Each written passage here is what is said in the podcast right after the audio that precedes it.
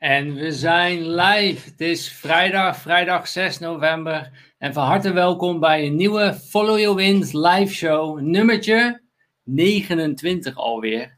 De live show to escape the red race and to live your epic life. Ja, waarom ook niet? Waarom zouden we ook niet voor onze epic life gaan? En vandaag gaan we daar ook weer met z'n allen aan werken.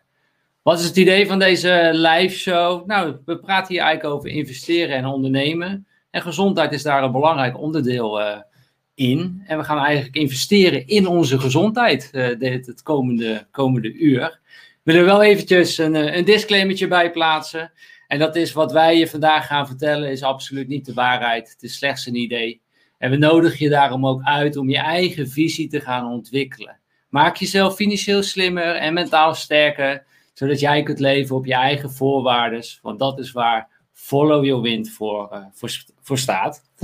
Dus uh, doe ook mee met z'n allen. Er is een, uh, een live chat. Geweldig dat jullie er weer zijn. En maak gebruik van die live chat. Ik hou die voor jullie in de gaten. Als ik denk van oh, dat is een goede vraag op het juiste moment, dan zal ik die ook voor je stellen aan onze gastspreker. Dus maak gebruik van die chat. Dit is je kans om ook je vragen te stellen aan de gastspreker. Dus uh, leuk dat jullie er weer zijn. En na de live show gaan we natuurlijk ook weer uh, met z'n allen door. Want we hebben ook een Follow Your Wind groep. Als je nog niet hebt aangemeld, doe dat natuurlijk eventjes via followyourwind.com slash groep. Kun je je aanmelden, is helemaal gratis. En dan gaan we na de live show, gaan we daar natuurlijk ook, uh, ook verder. Kunnen we verder met elkaar discussiëren over van oké, wat, wat is slim? Hoe gaan we nog meer ja, onze eigen wind ook, ook volgen om dat droomleven te leven? Uh, je bent het gemiddelde van de vijf mensen met wie je omringt. Dus laten we ons met de juiste mensen omringen. En daarbij ook deze, deze uitnodiging voor de groep. Waar gaan we het uh, vandaag dan over, uh, over hebben? Nou ja, het thema. Het is dus het thema oersterk corona overleven. En vooral, wat kunnen we daar zelf nou aan doen? Welke zelfzorg kunnen we, kunnen we toepassen, zodat we er sterker uitkomen? Dat is iets wat we gaan bespreken. We gaan ook bespreken, oké, waarom leidt nou de huidige corona-aanpak tot meer ontstekingsziektes? Uh, wat kunnen we doen om de zorg te ontlasten? Um, waarom zouden we eigenlijk meer op vakantie zouden moeten uh, om meer weerstand te bieden tegen het coronavirus? Waarom zijn vaak mensen moe en presteren ze slecht in bed? Ja, laten we dat ook gewoon eens uh, bespreken. Uh, de vraag die we vaak krijgen is een vaccin nou een oplossing en werken supplementen nu effectief tegen het coronavirus? Allerlei dingen die we van tevoren van jullie hebben ontvangen en die we ook gaan uh, bespreken. Nou, dat doe ik niet alleen. Daarvoor hebben we dus iemand uitgenodigd. Nou, wie hebben we uitgenodigd? We hebben Mister Geneeskunde hebben we uitgenodigd. Uh, die geneeskunde gewoon weer toegankelijk maakt voor Jan en alle man, zodat wij het ook gewoon weer begrijpen. Na zijn opleiding geneeskunde heeft hij zichzelf gespecialiseerd in preventie en leefstijl. Hij heeft zeven bestsellers geschreven. Er zijn meer dan 200.000 boeken daarvan uh, verkocht. Hij was onder andere te gast bij RTL Late Night, RTL Boulevard, nou noem maar op. En zijn doel is om in 2022 1 miljoen mensen te helpen om ja, een gezondere leefstijl uh, toe te passen. Doet hij niet alleen, hij is ook duizend gezondheidsprofessionals aan het opleiden. En voor mij is hij de persoon die ik persoonlijk vertrouw als het gaat om optimale gezondheid. En hij heeft gewoon een oersterk verhaal. En ik ben onwijs trots dat hij bij ons in de, in de uitzending uh, is. Dus geef hem een uh, groot applaus. En jullie weten hoe jullie dat kunnen doen. Dat duimpje onder dat video, daarmee geef je dus dat grote applaus voor onze gastspreker van vandaag. Klik er even op. Abonneer natuurlijk ook even op het kanaal. En bij genoeg duimpjes, dan komt hij in de uitzending. En jawel hoor, het is jullie weer gelukt. Van harte welkom, Richard. Dankjewel, Stijn. Ook voor de mooie woorden. Uh, graag gedaan en uh, onwijs trots dat je even tijd uh, voor ons vrij wilt maken en in de live show aanwezig wilt, wilt zijn. Um, ik, ik had waar, ik graag mee wil beginnen, en dat is eigenlijk ook een, uh, ook een vraag aan de, aan de kijkers, om ook eens over, over na te denken. Want wat, lieve kijkers, als ik aan jullie zou vragen, wat is nou je allerbelangrijkste bezit in je leven? Wat is nou je, je grootste kapitaal wat je, wat je bezit. En wat zou, je dan, uh, wat zou je dan zeggen eigenlijk? En als je het mij vraagt, als je het mij persoonlijk vraagt, wat is je grootste kapitaal? Dat, dat is dit wat hier op die stoel zit, weet je. Dat is, dat is je, je lijf met je brein en met je, met je gezondheid. Dat is voor mij het grootste kapitaal. En als je van één ding zeker wilt zijn in het leven, dan is het dat je daar het je hele leven mee moet doen. En de vraag die dan ook rijst is natuurlijk van, hoe gaan we met dat lijf om? Behandelen we dat lijf als het grootste kapitaal? Behandelen we dat, dat lijf als een Ferrari? Hoe we een Ferrari zouden behandelen. want nu wordt door die corona, wordt ons lijf wordt wel even op de proef gesteld. En daar gaan we vandaag naar kijken van oké, wat kunnen we nou doen om ons lijf als een Ferrari te behandelen, zodat we weerstand kunnen bieden tegen het coronavirus, maar ook tegen aankomende virussen. En daarvoor ben ik heel dankbaar dat Richard in de, in de uitzending is. Uh, Richard, jij hebt een uh, opleiding geneeskunde gedaan. Uh, je hebt die, uiteindelijk die witte jas aangehad. Maar al vrij snel heb je hem ook weer uitgedaan. Waar, waarom? Waarom heb je hem aan de wil gehangen? Nou, er kwamen zo snel vlekken op. Dus nee, nou, misschien indirect wel het goede antwoord. Maar ja, als kleine jongen was ik al gefascineerd door het leven, door de natuur. Ik, ik had zelf ook altijd heel veel dieren. Ik wilde dat ik jong was dierenarts worden. Op de middelbare school verschoof dat naar een andere diersoort, de mensaap. En ik besloot dat ik geneeskunde wilde studeren. In 2002 uh, eh, begonnen op de, op de VU in Amsterdam. Mijn doctoraal haalde ik 27 maart 2007. En in mijn reguliere geneeskundeopleiding deed ik al allerlei andere cursussen. Maar ik was altijd geïnteresseerd. Ik ben altijd enorm nieuwsgierig geweest naar alles wat te maken heeft met leven, met heling, met optimale gezondheid. Dus ik verdiepte me in uh, kinesiologie, spiertesten, de energetische geneeskunde. Verdiepte me in fytotherapie, planten en kruiden. Ik verdiepte me in de Ayurveda en Oosterse geneeswijze, die altijd praten over het lichaam en geest als tandem, als eenheid. Maar ook over de oorzaak van klachten, wat je natuurlijk moet aanpakken voor echte genezing in plaats van de oppervlakte de symptomen. En ik kwam er al vrij snel achter, uh, dat is het antwoord op je vraag, dat de reguliere geneeskunde eigenlijk niets kan met de huidige ziektelast. Dat zijn vooral mensen die lijden aan chronische welvaartsziektes. De reguliere geneeskunde is expert fantastisch als je kijkt naar de acute geneeskunde. Bij een uh, open beenbreuk of bij een ernstige infectie. Uh, of bij een blinde darmontsteking. Hè, dan moet je er niet zelf gaan experimenteren met een compressje en kruiden en zeggen laat het maar een weekje pussen en kom dan even terug. Hè. Dan moet je gewoon het probleem eruit snijden. Uh, maar met, met, ja, als je kijkt naar uh, nou, de laatste ziektecijfers zijn van 1 januari 2018, zijn nu 9,9 miljoen mensen waren toen chronisch ziek. Dus nu zijn we er 10 miljoen mensen al over. Dus meer dan de helft. Ja, en dan kan de reguliere geneeskunde, ja, meer dan de helft, klopt. Ja, en uh, dat zal alleen maar toenemen aan komende jaren. We worden steeds zwakker, we worden steeds dikker, we worden steeds zieker, we worden steeds dommer. En dat heeft te maken dus met mismatch en conflict. Maar ik had al snel door dat ik mensen met medicijnen of operaties, of met het advies, vaak in de huisartsgeneeskunde, kijken nog een weekje aan. Uh, en dan vertrouw je eigenlijk ook op het zelfherstellend vermogen van het lichaam. Maar er is geen dokter die je kan genezen. Je kan alleen maar het zelfherstellend vermogen st stimuleren van mensen, zodat ze zichzelf kunnen genezen. Dus ik kwam in conflict uh, met mezelf, want ik, heb, ik wilde geneeskunde studeren en geen medicijnen. Uh, ik wist dat ik de oorzaak van klachten niet aanpakte. Ik hou enorm van mensen, van contact. Nou, dat was vluchtig in de geneeskunde, waar je hebt acht minuten of tien minuten. Daarin kan je nooit uh, naar de oorzaak, kan je, kan je ook nooit een goed beeld krijgen van de mensen die voor je zitten. In alle domeinen van, van het leven, die samen kunnen hangen met een klacht. En wat ook eerlijk is om te zeggen, ik was toen 24 lentes jong. Uh, de artsenkamer is ook echt wel een ego-bolwerk. Ik kon me daar heel moeilijk handhaven, omdat ik, ja, veel, ik was nog niet rijp genoeg om me dom te houden. Dus ik begon dan over, uh, ja, over al die stromingen die ik al in mijn reguliere opleidingen deed, wat niet geaccepteerd werd in het wereldbeeld. Dus ik stond iets te vaak op de gang, omdat ik moest nadenken over de dingen die ik dan uh, voorstelde of zei. En ja, dat was enorm pijnlijk. Ik was enorm onzeker, ik was enorm angstig. Ik dacht iedere vrijdagmiddag, ik werkte toen in het medisch centrum Alkmaar als ik uh, naar huis toe ging met de bus van uh, chips, ik moet maandag weer heen. Dus ik was mijn bezieling compleet kwijt. Wat me functioneren was een groot energielek. Dus ik werd eigenlijk gedwongen om te springen, om, om meer de, de, weg van mijn hart te gaan volgen, zonder dat ik een plan B had. Maar ik wist wel, dit is het niet. Maar is, is het dan eigenlijk dat, er, dat je zou kunnen zeggen, de reguliere geneeskunde is meer een soort ziekenzorg en jij wilde veel meer naar de gezondheidszorg? In plaats van dat we de, de symptomen bestrijden, het eruit snijden, dat je het eigenlijk gaat voorkomen dat zoiets ontstaat. Dus lag daar het conflict in de behandelplannen ook die je moest uitschrijven? Zeker, zeker. Ik was gespecialiseerd natuurlijk, kan je zeggen, in ziekte en in nazorg. En als je die lijn doortrekt, een beetje in de dood.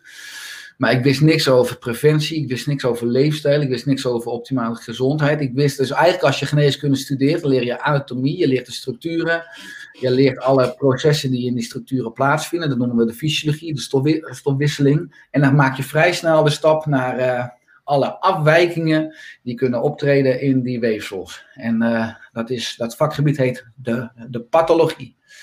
En dat leer je hoe je dat met medicijnen, dus medicamenteus of met operaties, kan bestrijden, oplossen, wegsnijden, onderdrukken.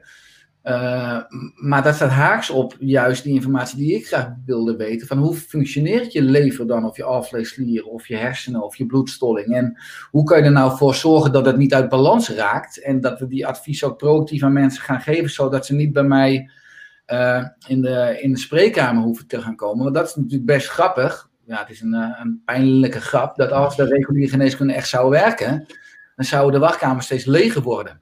Ik denk dat iedereen die een bedrijf heeft en een bepaalde strategie heeft, en als je een oplossing biedt aan mensen, uh, en, en wij spreken in je wachtruimte, dan moet je wachtruimte minder worden. Of mensen die je geholpen hebt, moet je niet meer terugzien. Want als je die mensen steeds terugkomen, of het worden er meer, dan moet je gaan afvragen van, hé, hey, is mijn interventie, is mijn aanpak wel zo doeltreffend? Nou, in de geneeskunde doen we dat eigenlijk niet. We hebben ook geen tijd om dat te, uh, af te vragen, want het bad stroomt over en iedereen is druk nodig om te dweilen. Iedereen blijft dweilen, maar niemand vraagt zich echt af waar zit de kraan? En hoe kunnen we die, uh, dus wat is nou de grondoorzaak?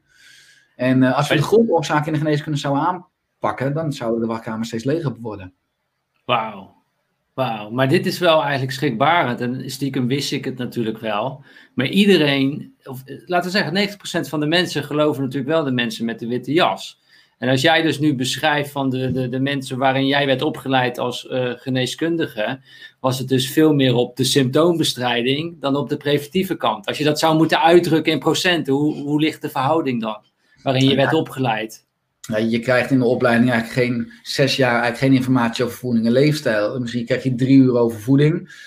En dan in zes jaar, dan vooral als je het hebt bijvoorbeeld over celiakie, uh, dus dat mensen darmontstekingen kunnen krijgen van bijvoorbeeld gluten.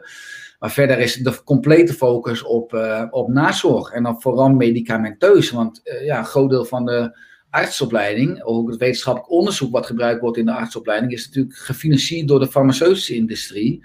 Daar liggen de patenten, daar ligt het verdienmodel. En ziekte is een fantastische economie.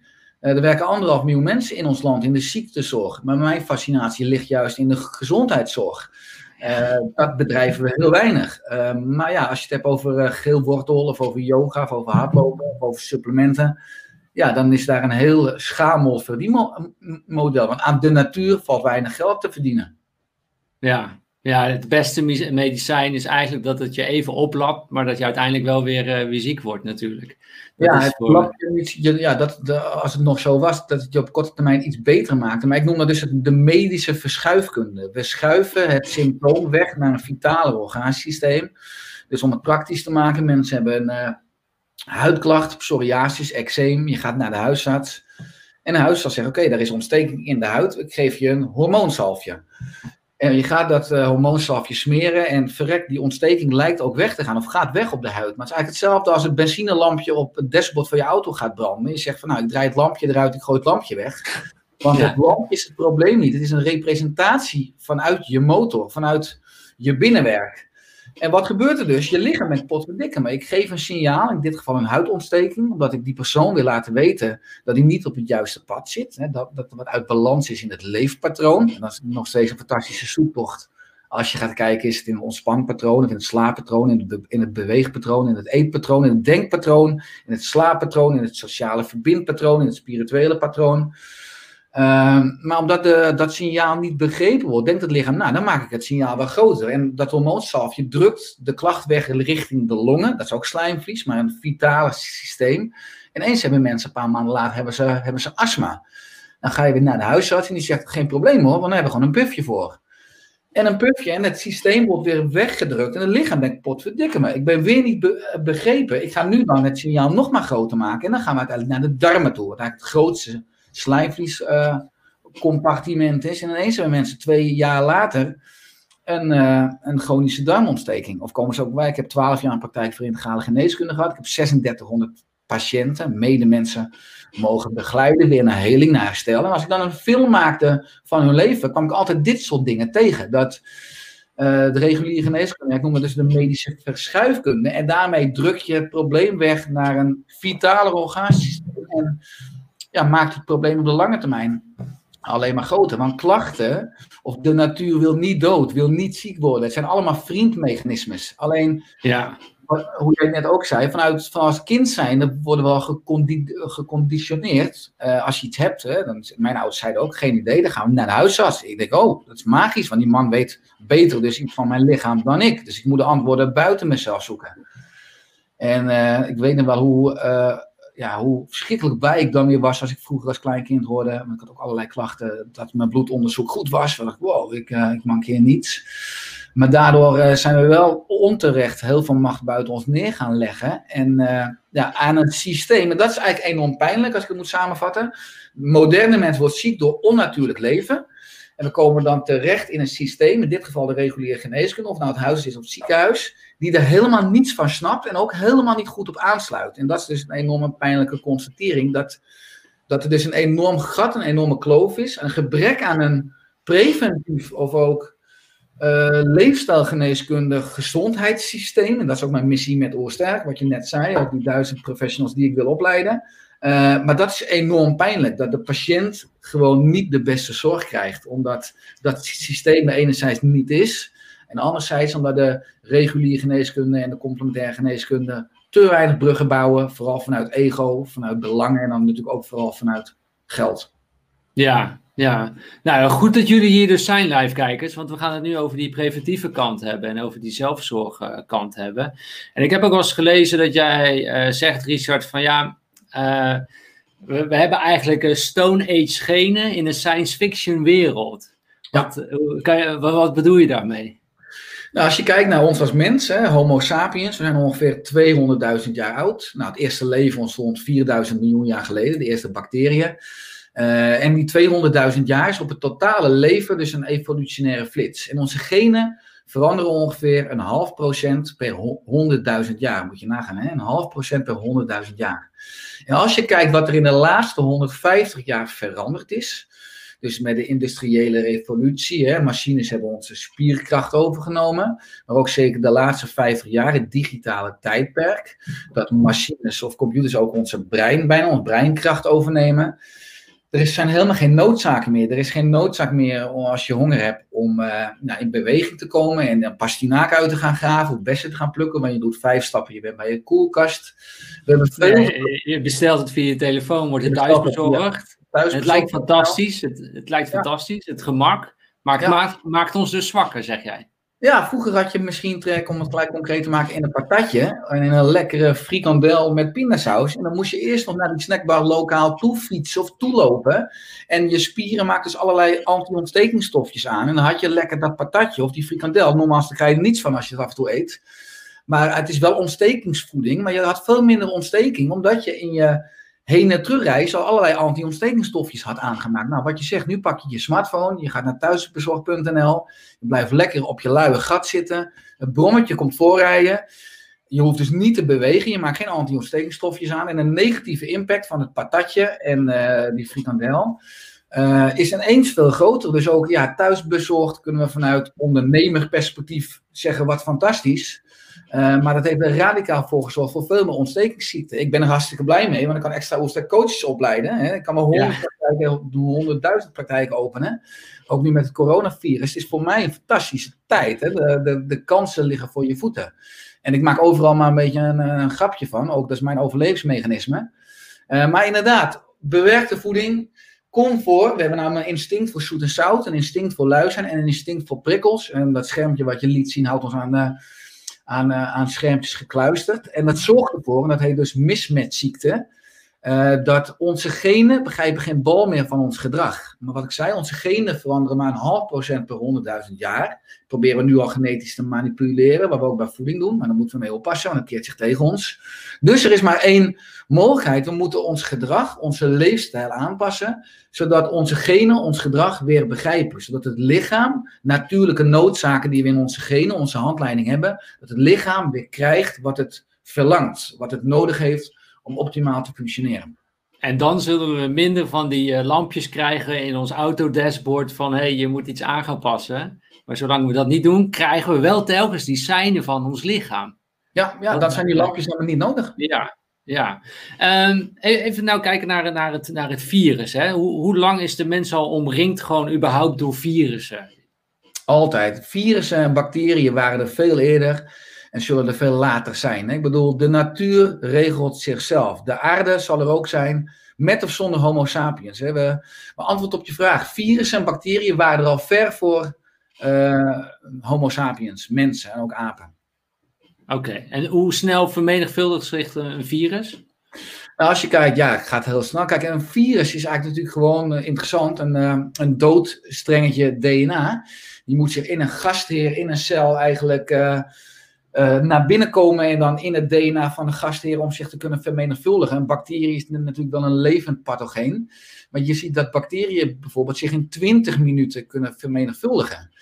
De mens vroeger, in 1900, was een vrouw gemiddeld 20 jaar dat ze haar eerste kind kreeg. Nu is het gemiddeld 31 jaar. Dus wij doen er 31 jaar over nu gemiddeld om een nieuwe generatie te krijgen. En een bacterie 20 minuten. En virussen en parasieten en schimmels. Dus die strijd gaan we nooit willen. Die strijd moeten we ook nooit willen aangaan.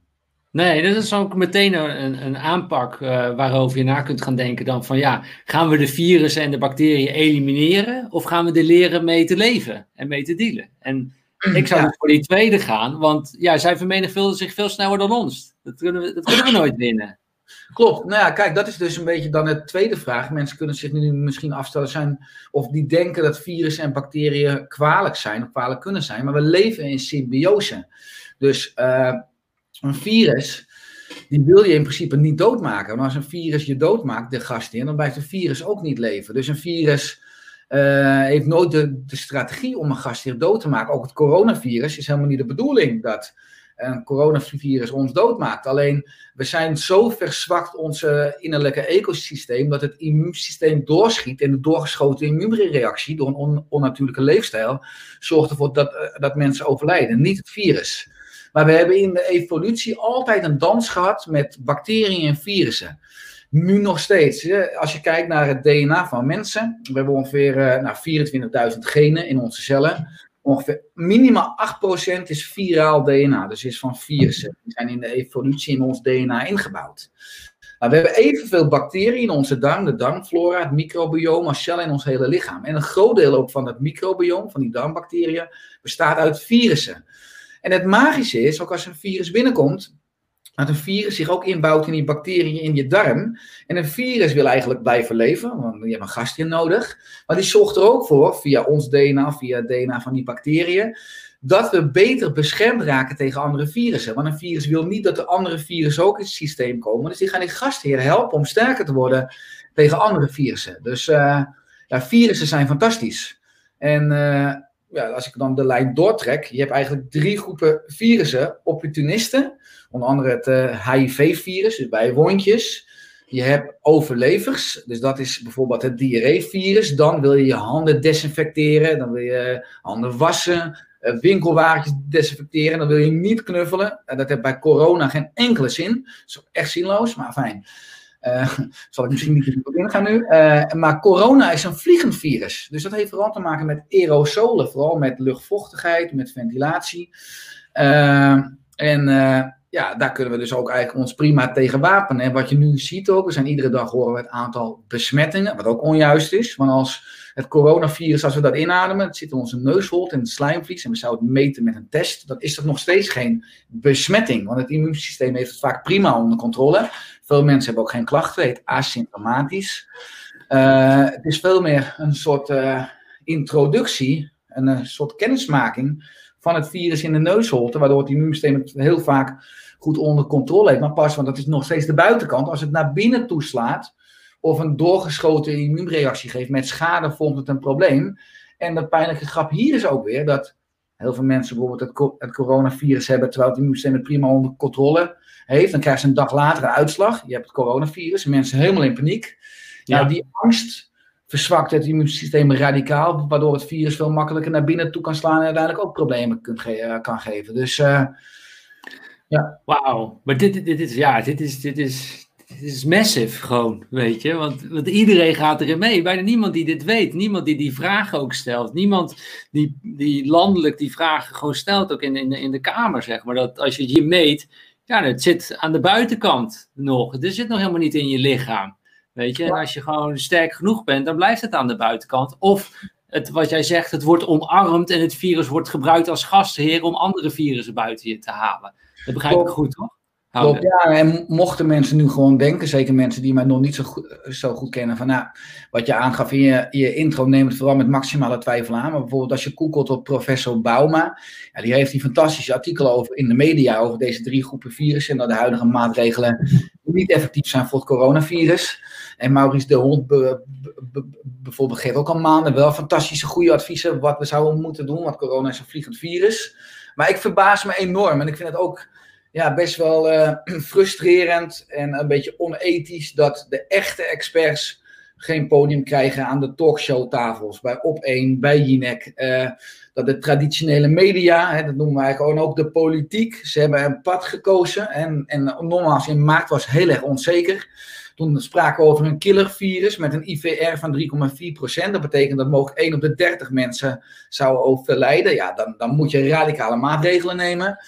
Nou, de IVR ligt nu ongeveer op 0,23. Dus dat 1, nou, wat is het, op de 420 mensen overlijden. Nou, dat, dat is normaal. We hebben iedere winter bij, bij, bij het griepvirus. Uh, onder de 70 is het zelf 0,05. Dus zeker mensen onder de 70 zouden gewoon met z'n allen de maatschappij in, moeten gaan. Want het virus is gewoon helemaal niets. Uh, en die groepsimmuniteit zouden we dan veel sneller hebben.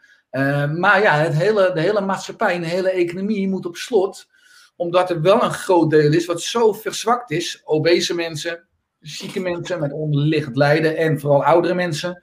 Omdat uh, die enorme verzwakt immuunsysteem hebben en een doorgeschoten immuunreactie en schade. Maar inmiddels ja. de, kosten en de baten, dat, uh, dat plaatje klopt niet meer. Nee, voor mij laat dit wel zien dat uh, het coronavirus legt het gewoon bloot hoe we onszelf de afgelopen tijd hebben lopen verzwakken. En dat we onszelf dus niet als een Ferrari hebben behandeld, gewoon. Want dan waren we gewoon veel sterker geweest. Ik ben wel heel, heel benieuwd nog, uh, Richard. Jou, jouw bedrijf heet ook Oersterk.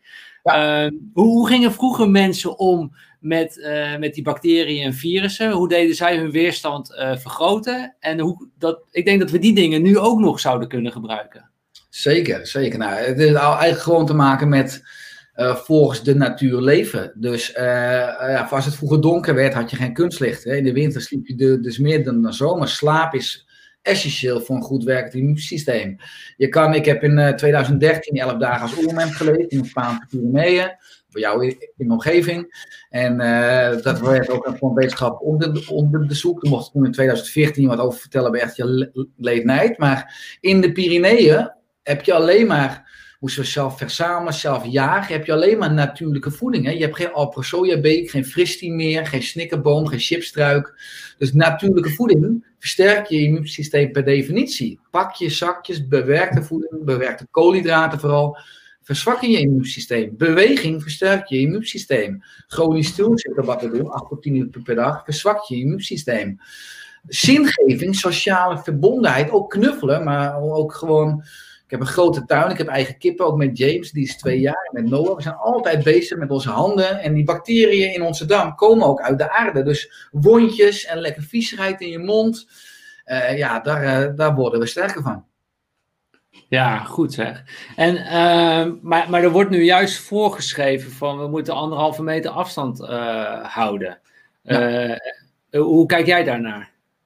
Ja, dat is vooral inzetten op veiligheid, op schijnveiligheid vanaf maart, uh, ja, dat is natuurlijk, kijk, de Wereldgezondheidsorganisatie adviseert een meter. Nou, dat is weer grappig. Daar hebben wij dan anderhalve meter, 50% extra. Maar dat, het is eigenlijk allemaal, ja, dat is grappig aan mythologieën en aan culturen. Je ziet dat allerlei landen op de wereld allerlei andere afstanden hebben. Maar ja, voor een vliegend virus is gewoon anderhalve meter, is zeker als je buiten bent, is gewoon helemaal geen zin. Kijk, als iemand buiten gewoon vol je gezicht hoest of niest, ja, dan zou je het kunnen krijgen.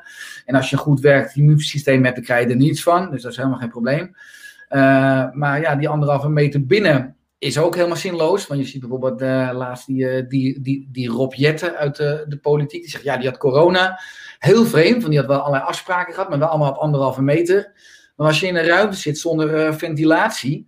En je hebt iemand die corona heeft, ook al is iemand op 10 meter, ja, en je zit de hele dag in die ruimte samen, dan pik je het ook gewoon op. Want dat heeft vooral te maken met die aerosolen. Dus ook al ben je 20 meter verder in, in diezelfde ruimte. Dus ja, die anderhalve meter is, ik denk dat als we er over twee jaar drie jaar terugkijken, dat we ook weer best wel ja, met, met vrij veel humor kunnen terugkijken op anderhalve meter afstand, op mondkapjes, op je handen stuk wassen. Dat is ook nog eens de eerste barrière van je immuunsysteem die we daarmee stuk maken.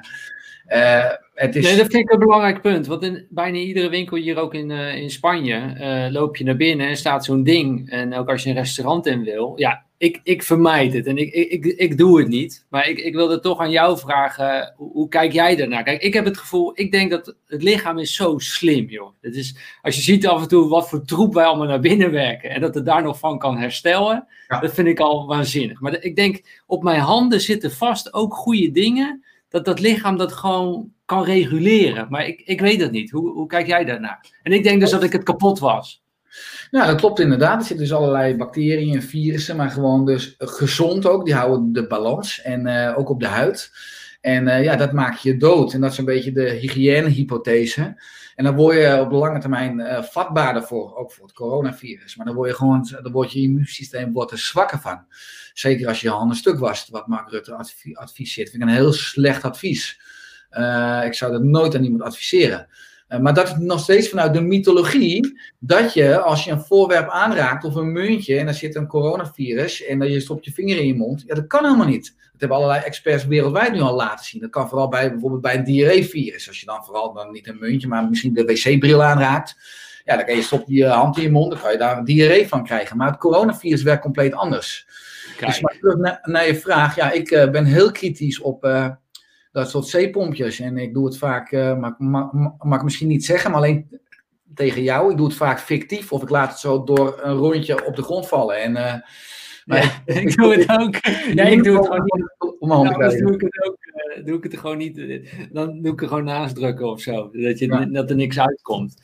Uh, uh, maar goed. Maar dit is ook. Dus eigenlijk zou je dit ook kunnen beschrijven als onnatuurlijk gedrag. Het zeepompje. Weet je, anders had het wel aan een, een boom gegroeid. Of had. Ja, de, de, de, de, weerstand is er eigenlijk al. We hebben heel, dat zeepompje niet nodig. Dus. Nee, klopt. En als je het doortrekt Kijk, in de geneeskunde liep ik vast op allerlei subspecialisaties. Er zijn steeds meer specialisten die een klein stukje een eiland snappen, maar niet het samenspel in het geheel. En als je het samenspel snapt, is magisch. En ook in de politiek, de adviezen en ook in het OMT.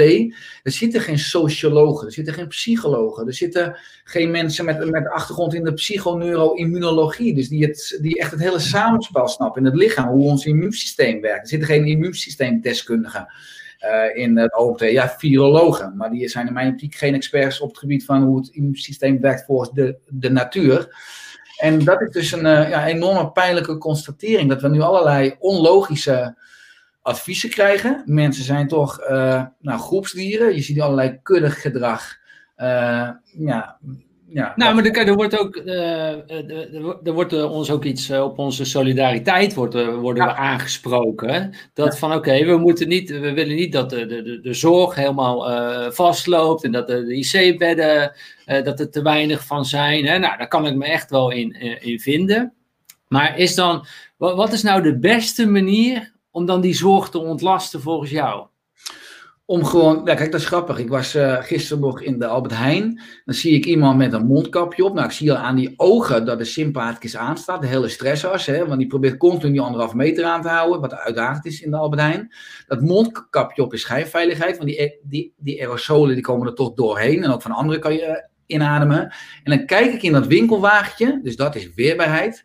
dan zie ik allemaal troep. En dan denk ik, ja, je hebt inderdaad reden om je zorgen te maken. Maar dat is veel meer omdat je gewoon zand in je motor gooit. Dus als we in zouden zetten op uh, meer groente eten, hè, gewoon een pond groente per dag bij twee maaltijden groente, minder suiker eten, en dat is ook, want suiker verzwakt het immuunsysteem enorm. Dus ik wil de politiek ook oproepen voor een suikertax, hè, wat 43 landen in de wereld al hebben, en 0% btw op groente en fruit. Dan is het veel toegankelijker, ook voor de lagere sociale klasse.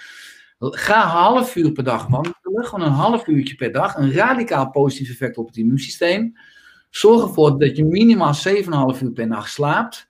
Zorg ervoor dat je je verbindt met mensen of activiteiten waar je energie van krijgt. En vermijd dus chronische stress. Zorg voor een levensdoel. Slik de juiste supplementen. Ja, als je dat allemaal bij elkaar doet, dan is dat 1 plus 1 is 11. Daar versterken we onze weerbaarheid mee.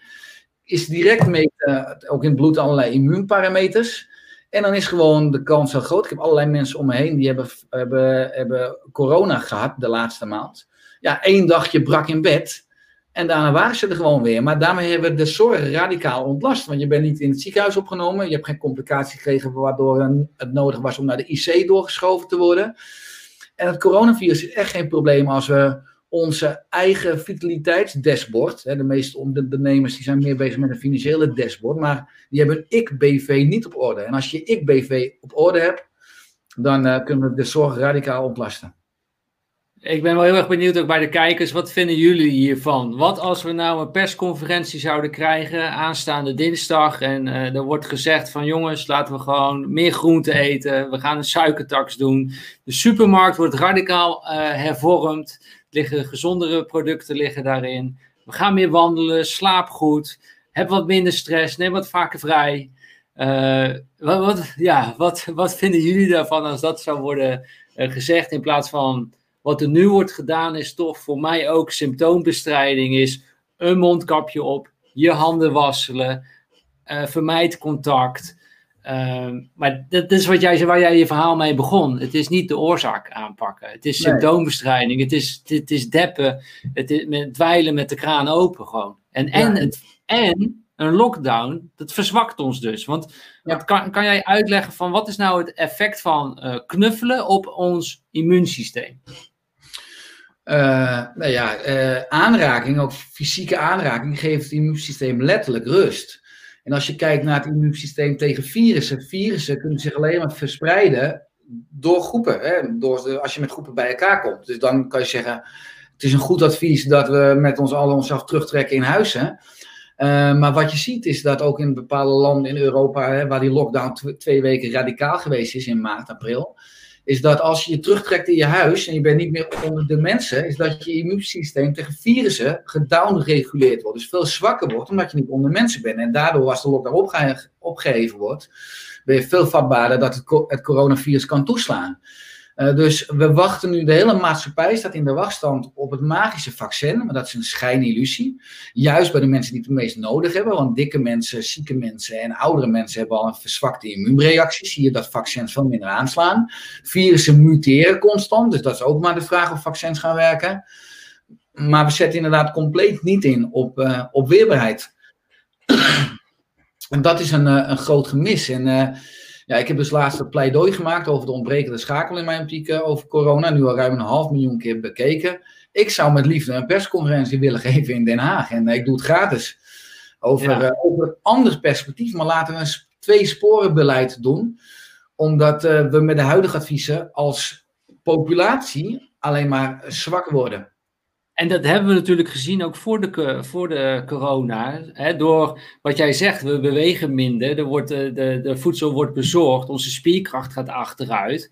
Uh, we worden steeds dikker. Dat was al voor de corona aan de gang. Hè. We waren ons al aan het verzwakken. Dus de, er moet hier echt iets, uh, iets, iets veranderen. En ik vind eigenlijk ook een hele mooie zin die ik jou ook vaak hoor, hoor zeggen, is van uh, gezondheid is niet de afwezigheid van ziekte, maar de aanwezigheid van vitaliteit. Ja. ja, klopt. En dat is het ene vage containerbegrip gezondheid vervangen voor het andere, voor vitaliteit. Maar vitaliteit is opgebouwd uit drie sleutelsystemen die goed moeten functioneren. Het, het brein, het immuunsysteem en het autonome zenuwstelsel. En op die drie systemen kan je met leefstijl, die adviezen die ik net gaf, heel goed inwerken. Dus ook als je nu luistert of kijkt, kan je gewoon jezelf afvragen, als die drie systemen goed functioneren, dan spring je s'morgens fris en energiek uit bed. Ben je moe, of over de dag of veel moe, ja, dan heb je dus een soort van vitaliteitscrisis.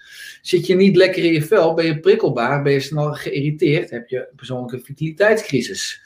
Uh, heb je een slechte stoelgang, heb je een toegenomen buikomvang, uh, heb je een slechte slaap, heb je een slecht libido, hè, maar zeker ook in mijn praktijk alle mensen, alle ondernemers die ik heb mogen begeleiden, en ook echt eh, ondernemers uit de quote 500, allemaal hebben ze een slecht libido. En dat de, zijn reproductieve losers geworden omdat de evolutie voorrang geeft op overleven. En als je door je werkzaamheden altijd stress hebt, altijd aanstaat, ja, dan gaat het ten koste van voortplanten. Maar je moet eerst in veiligheid komen en dan gaat je lichaam weer bouwstenen, energie steken in je voortplanten. Dus ook in je libido.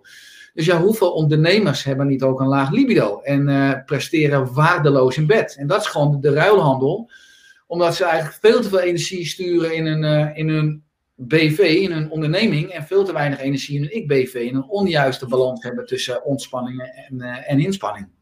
Ja, en, en, stel nou je hebt nu overgewicht en je zou een 5% afvallen. Wat, wat, wat voor impact heeft dat op het immuunsysteem? Wat voor impact heeft dat op onze, onze zorg?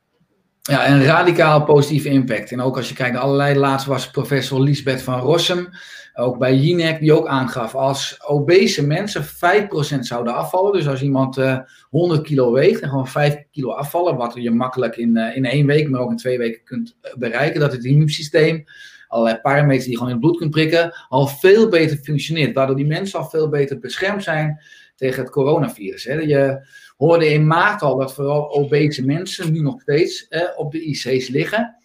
En uh, dat is logisch, want die mensen hebben veel meer uh, ontstekingsstofjes. Hè. Vetcellen maken ontstekingsstofjes aan, maken het immuunsysteem zwakker. Maar die mensen hebben ook veel te weinig aan vitamine K2 en vitamine D3. Dat zijn vetoplosbare vitamines, die ook vooral opgeslagen worden bij hun in het overtollige vetweefsel. Waardoor ze niet in het bloed voldoende aanwezig zijn.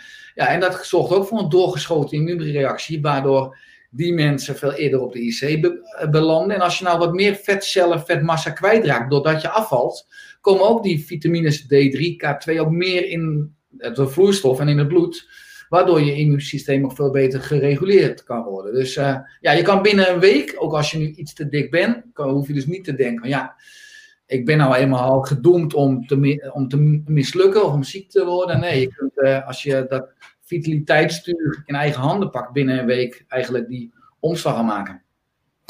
Ja, en ik, uh, nou ja, Richard, ik spreek uit eigen ervaring. Ik was uh, vroeger eigenlijk altijd uh, te dik. En ik zal even een foto laten, laten, laten zien. Maar ja, dit, dit was ik. En ja, gewoon veel te dik. En ik had gewoon dagelijks hoofdpijn. En ik wist niet waar het vandaan kwam. Gewoon. Maar ik, ja, voor mij was het op een gegeven moment was het gewoon geworden ik, he, nou, ik heb ermee te leven. Ik heb die hoofdpijn en dat hoort bij mijn leven. Zover was, had ik dat al geaccepteerd gewoon. En tegen mij werd ook gezegd van ja Stijn, jij hebt levenslang. Je, je, hebt, uh, je, je bent gewoon te dik, zo snap je.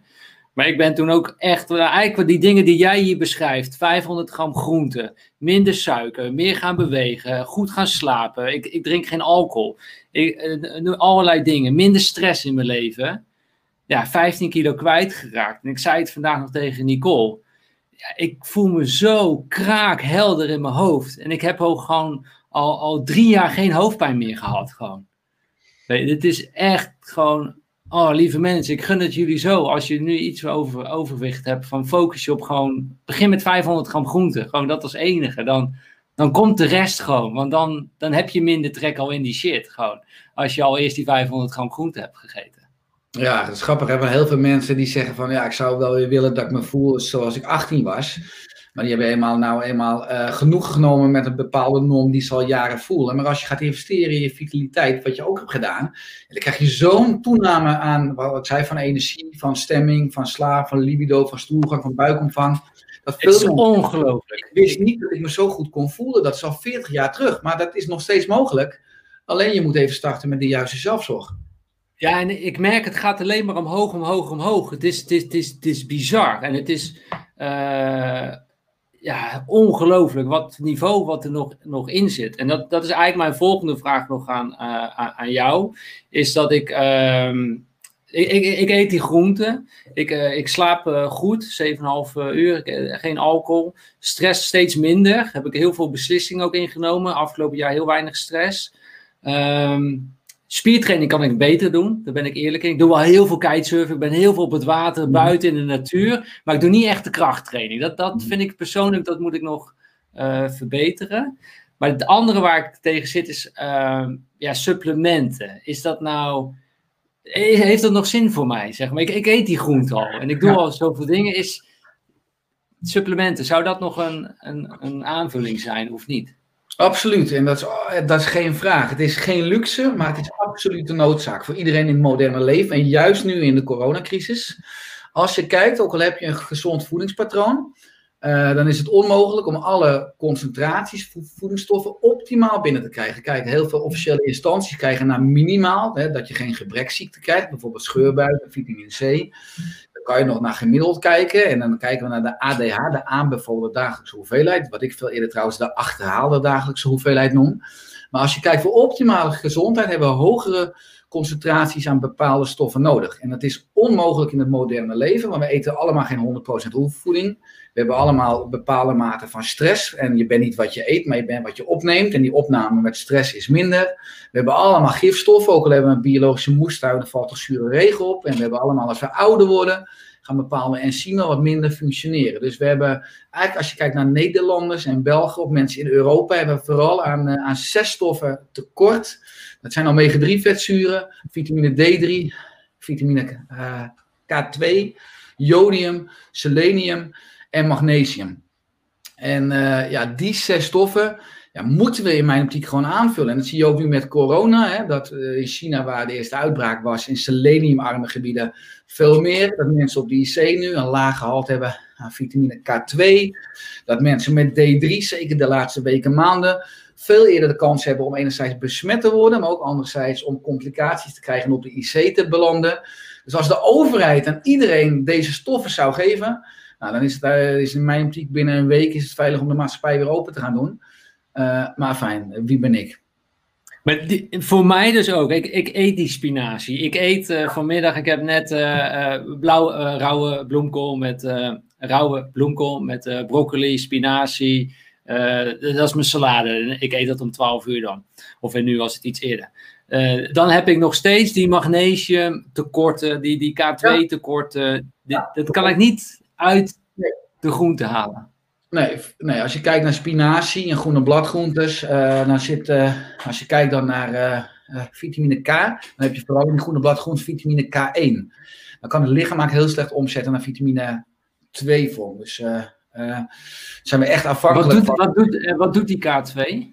Ja, interessant, want je ziet dat mensen op de IC vitamine K2 in de reguliere geneeskunde kijken vooral naar protonbine en naar de bloedstolling, maar het is ook vooral belangrijk dat we eh, voor een vitaal hart- en vaatstelsel. Dus veel mensen slikken vitamine D3. Vitamine D3 trekt mineralen uit de darm en het bloed. Uh, het calcium onder andere moet op de juiste plekken inparkeren. Maar het inparkeren doet vitamine K2.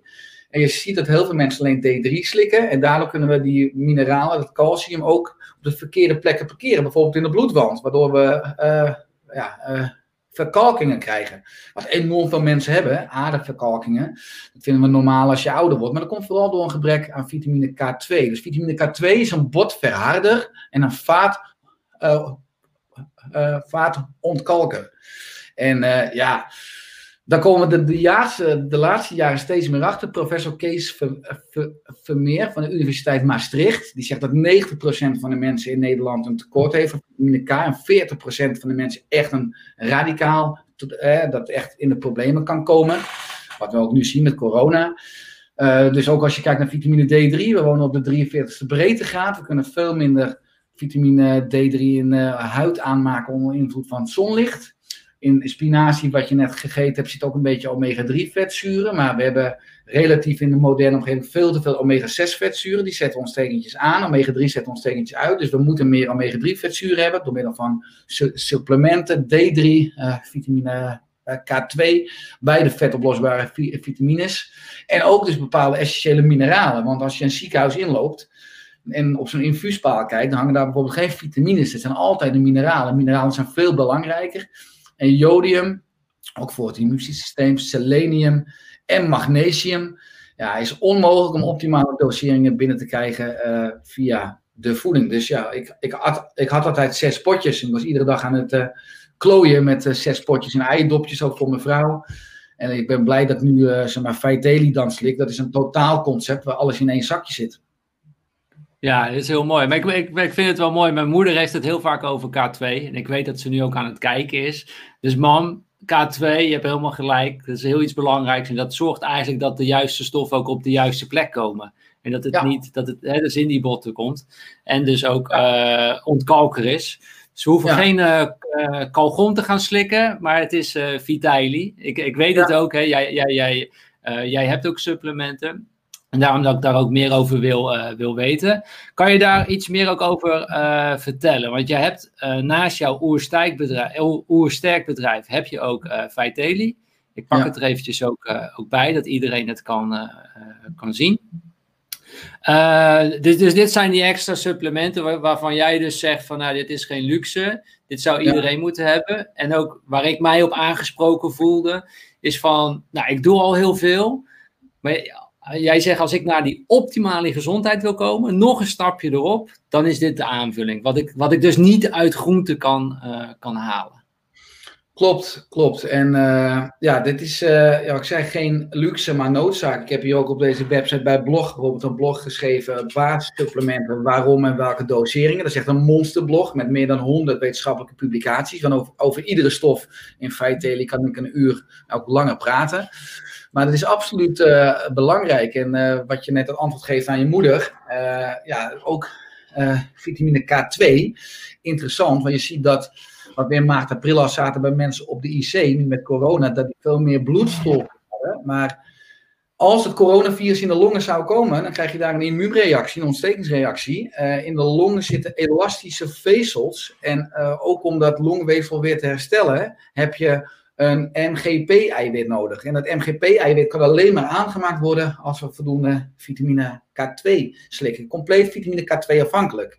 En je ziet ook dat de mensen voldoende van die vitamine in hun bloed, in hun longen hebben, vitamine K2, dat je veel minder die ontstekingsreactie krijgt in de longen en die bloedstolsels die mensen kan maken, niet op de IC. Uh, nou, daar hoor ik ook nog eigenlijk niets over. Vitamine D3 nu een beetje.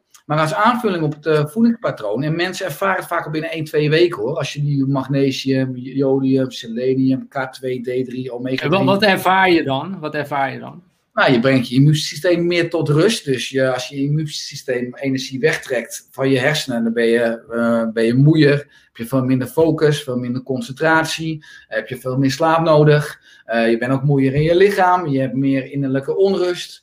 Uh, je hebt misschien meer plakpoep. Uh, nou ja, je hebt geen zin om in beweging te komen, dus geen beweegzin. Je, het zijn hele, nou ook eigenlijk grove signalen. Want mensen zeggen van ik heb veel meer energie. Ik zit veel lekkerder in mijn vel. Ik heb veel meer rust in mijn hoofd. maar ook allerlei subtiele signalen. Dus wat ik zei, dat mensen beter slapen. Dat mensen een betere stoelgang hebben.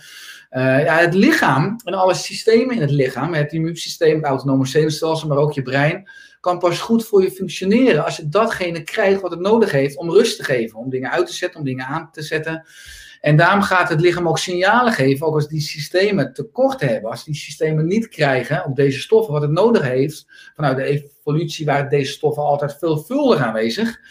Um, dat is steeds meer een uitdaging in de moderne tijd. En dat leidt tot signalen, wat we in de geneeskunde klachten noemen, onterecht in mijn optiek. Want het lichaam wil je laten weten dat je misschien iets tekort komt, ook in je voeding. En uh, ja, heel veel mensen ervaren... Iets moet aanpassen, iets moet aanpassen inderdaad. Ja. Ik, zie, ik zie ondertussen een hele interessante vraag uh, binnenkomen, Richard. Die wil ik graag ook uh, bespreken. Gaat ook over de Vitaly.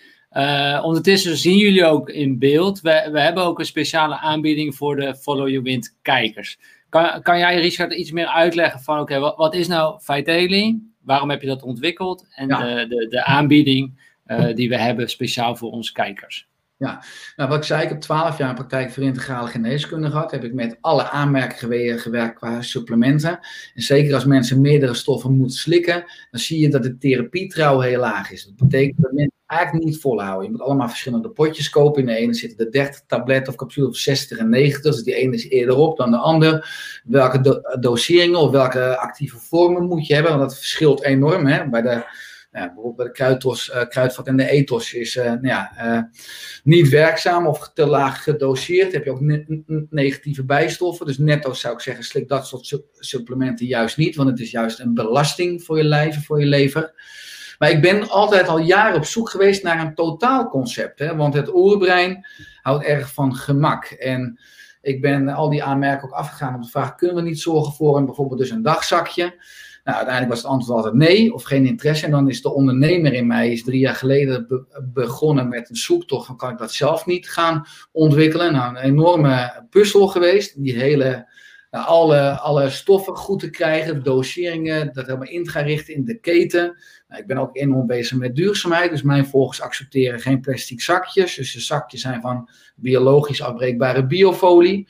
Voor iedere maandoos planten we ook een boom, hè, dat niet alleen de gebruiker, maar ook de wereld zo vitaler en beter wordt. Maar het is eigenlijk een dagzakje, dat is eigenlijk wat het sterkst werkt als ondernemer, wat ik zelf al jaren mis. En als het er was ergens anders, zou ik het direct kopen. Omdat het kost nu 6 seconden per dag.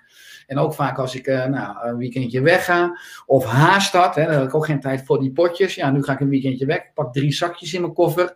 Of ik, uh, ik, ik moet haasten soms het huis uit, omdat soms met onze zoons het anders loopt. Nou, ik pak een zakje voor mijn lunch.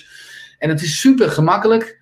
Net als thuisbezorg.nl, het oerbrein, uh, daar rol ik een rode loop vooruit met dit concept Vitaly. Dus niet zes potjes. En de vegan is zelf ook met zink en B12. Dus niet acht potjes per dag. Maar gewoon uh, drie of vier supplementen in de Vitaly basis. Drie supplementen in een dagzakje. En in de vegan vier supplementen. Maar algeolie heb je iets meer van nodig dan visolie. Dus in de basis zit één capsule. In de vegan zakje zit twee capsules met, uh, met algeolie. Om diezelfde concentratie EPA en DHA te krijgen. Maar wat ik zei, in zes seconden per dag morgens heb je alle vitale stoffen al binnen. Ja, dat, dat, dat, uh, dat spreekt mij aan. En tegelijkertijd heeft dat ook wel weer iets tegen mijn oerbrein in. Het is te veel comfort. Maar daar komt zo mijn, uh, mijn, mijn vraag over. Uh, allereerst voor alle kijkers, er is een aanbieding. Als je de code Follow Your Wind gebruikt, dan krijg je 7,50 euro voordeel op je eerste aankoop. En je kunt gaan naar followyourwind.com slash Vitaly. V-I-T-A I-L-Y. Uh, de link staat ook onder de video, dus daar kun je ook altijd op, uh, op klikken. Uh, wat mijn, ik, ik, ben, ik ben eigenlijk wel zo goed als hommel, Richard. Ik, ik, ik zie het echt als een belangrijke aanvulling op mijn, ja, op mijn huidige leefstijl. En ik weet wat, wat groente al heeft gebracht en ik wil nog een hoger niveau. Alleen wat ik me afvraag is, ehm, ik, ik hou heel erg van uh, de, ja, leven als de, de oermens en, en daar naartoe. En dan denk ik van, oké, er groeit geen cola, geen chips aan de bomen, dus dat eet ik ook niet. Ik eet alleen maar omdat er, er groeit een appel aan de boom, dus ik eet een appel. Maar de supplementen groeien ook niet aan een boom. Nee. En, dat, en dat heeft mij tot de dag op vandaag tegengehouden om supplementen te, te, te nemen. Want ik denk, ja, het groeit niet aan de boom. Heeft de natuur het zo bedoeld wel voor mij?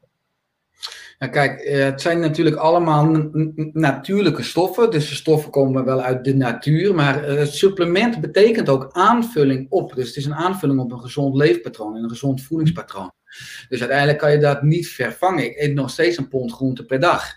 En daarop heb ik dus de juiste supplementen. En het interessante is dat zeker als mensen weerstand hebben, wat ik ook vaak in mijn praktijk had, zei ik laten we het gewoon bloed prikken. Hè? Want nogmaals, het gaat niet om wat ik vind. Ik wil graag je lichaam dan aanspreken. Het lichaam heeft alle antwoorden. Je kan het ook kinesiologisch met spiertesten, kon ik het uittesten. En dan vond je altijd dat iedereen laag zit in deze stoffen. Nou, als je het wilt testen, dan kost het een paar honderd euro om deze stoffen in kaart te brengen. Nou, daar waren mensen vaak wel overtuigd en dan gingen ze het alsnog slikken. Maar je kan het prikken, je kan het meten. En uh, ja, dan is het echt een uitdaging om iemand uit je winkelstraat te trekken. En ik wil daar mijn geld op inzetten. Die, uh, die deze stoffen in, uh, in goede concentraties in het lichaam aanwezig heeft. Die, Door de natuur. Is aan het uitsterven. Het is, ja, of je moet als monnik leven. met 100% oervoeding. Geen stress. Ook waar de grond rijk is. Want de huidige landbouwgrond, vooral door de intensieve landbouw, is enorm verarmd. Hè. Er zit niet meer in onze voeding wat er 30, 40 jaar geleden in zat. Eh, ten eerste moet, moet, moet, je het eigenlijk ook 24 uur na oogst eten. Want dan is het het rijkst aan de concentratie micronutriënten. Dus ja, hoe graag ik het ook zou willen, want het liefst zou ik ook niet aan supplementen gaan. Maar als ik gewoon kijk, wat heeft mijn lichaam nodig? En ik wil gezond en gelukkig oud worden. En daar heb ik een plan voor. En, en het is best grappig dat we nu 90 euro basiszorgverzekering per maand moeten betalen. Die basiszorgverzekering is verplicht. Mensen betalen 3 euro per dag voor ellende achteraf. Hè? Als je je vitaliteit bent verloren. Maar wat investeer je proactief? En zeker ook met deze stoffen, dan kan je je vitaliteit een radicale boost geven. Ja, nee, en die, die Ferrari en die auto, die brengen we wel naar een APK. Hè? Die, uh, oh, de motor, of er moet weer iets vervangen worden, gaat er zo 200 euro heen, of meer, 500 euro weer bij zo'n APK-keuring, zonder probleem. Want dan, dan lijkt het opeens te moeten. Dus um, ja, dat is natuurlijk ook weer een complete mindset. Ik vind het wel ook, uh, maar ik, ik, raak overtuigd. Ik, uh, ik, ik, ja, ik, ik denk ook dat ik, als ik het zou prikken, dat ik gewoon tekort heb. Uh, wat, wat waarschijnlijk 95% van de mensen heeft, uh, ook, al, ook al proberen ze gezond uh, te leven. Ja. wat, wat Renske zich afvraagt, hebben kinderen eigenlijk ook supplementen nodig? Ja, zeker. Ik, ik heb zelf twee zoons, Noah van 10 jaar en James van 2 jaar. ja, Faeteli is echt qua concentratie voor mensen vanaf 50 kilo. Dus bijvoorbeeld iemand van 15 zou het al kunnen nemen als hij 50 kilo weegt. Maar ik heb ook jongere kinderen. Dus die krijgen een ander supplement. Die krijgen Multicard for Kids. Om dan gelijk, maar met, uh, van het merk Lamberts. Dus dat is gewoon een multi specifiek voor kinderen. En die krijgen iedere dag ook een eh, lepel visolie. Maar zeker het kinderbrein in ontwikkeling heeft een enorme behoefte aan omega-3 vetzuren van Mullerstrand. En dan kun je ook gewoon bij iedere drogist of natuurvoedingswinkel kan je het kopen. Maar als je kinderen 14, 15 zijn en 50 kilo wegen, die kinderen die kunnen ook prima uh, nemen. Want dan vul je die stoffen ook uh, op aan. Ja. Ja, en, en jouw jonge Noah van, uh, van 9, neemt hij ook Vitelli of die neemt nog dat andere? Nee, Noah die neemt ook, uh, dus die krijgt ook die multi, multicast ja. kit. En die krijgt een uh, eetlepel Mullerstrand. Dus dat is een eetlepel leefvertraan. Waar kinderartsen nu ook weer over beginnen in de geneeskunde. Dat kregen, mijn ouders kregen vroeger iedere ochtend een lepel levertraan. En die generatie was veel vitaler. Want in levertraan zit al D3, zit al omega-3 vetzuren. En dat zou ook fantastisch zijn als onze kinderen. Maar de overheid, nou ja, die zal daar niet mee komen. Dus we moeten zelf als ouders dat voor onze kinderen afdekken. Ja, en wanneer gaan jouw kinderen Vitelli nemen? Vanaf welk jaar en welk gewicht? Ja, het is ongeveer vanaf 50 kilo. Dus Noah die gaat nu ongeveer naar uh, weeg 37 kilo. Uh, nou, dus ik denk, wordt denk ik echt wel een grote reus. Het zit een beetje in, onze genen. Dus ik denk als hij straks 14, 15 is, dat hij al op Vitelli overgaat. Oké, mooi. Uh, andere vraag die werd gesteld is van als je deze de Vitelli neemt, hoef je dan geen vitamine C bij te slikken? Nou, ook een goede vraag. Uh, als je kijkt op feiteli.nl bij veel gestelde vragen, heb ik deze vraag ook beantwoord. Om vitamine C in de tablet te krijgen, en ik heb een tablet gemaakt, dus een combinatie van uh, magnesium, jodium en selenium, zijn er vijf bijstoffen voor nodig. Onder andere uh, magnesium stearaat. En dat is eigenlijk een stof die de opname van de andere stoffen negatief beïnvloedt. Dus ik wil die negatieve bijstoffen gewoon niet in mijn supplement, in Vitelli hebben. En daarom heb ik besloten om vitamine C er niet toe te voegen. Maar ik ben vanuit Oersterk, adviseer ik altijd 500 gram groente per dag. En ik eet nou, eigenlijk altijd biologisch. En dan krijg je al een enorme boost vitamine C binnen. Uh, maar als je dat niet redt, ja, dan is het goed om eventueel vitamine C nog los aan te gaan vullen. Maar ik, red ik eet een pond groente per dag. En daarop neem ik Vitelli. En een klein beetje vitamine C hebben we dus niet toegevoegd, omdat ik die negatieve bijstoffen die nodig zijn om vitamine C stabiel te houden in die tablet, die wil ik niet erin hebben. Ja, mooi, helder.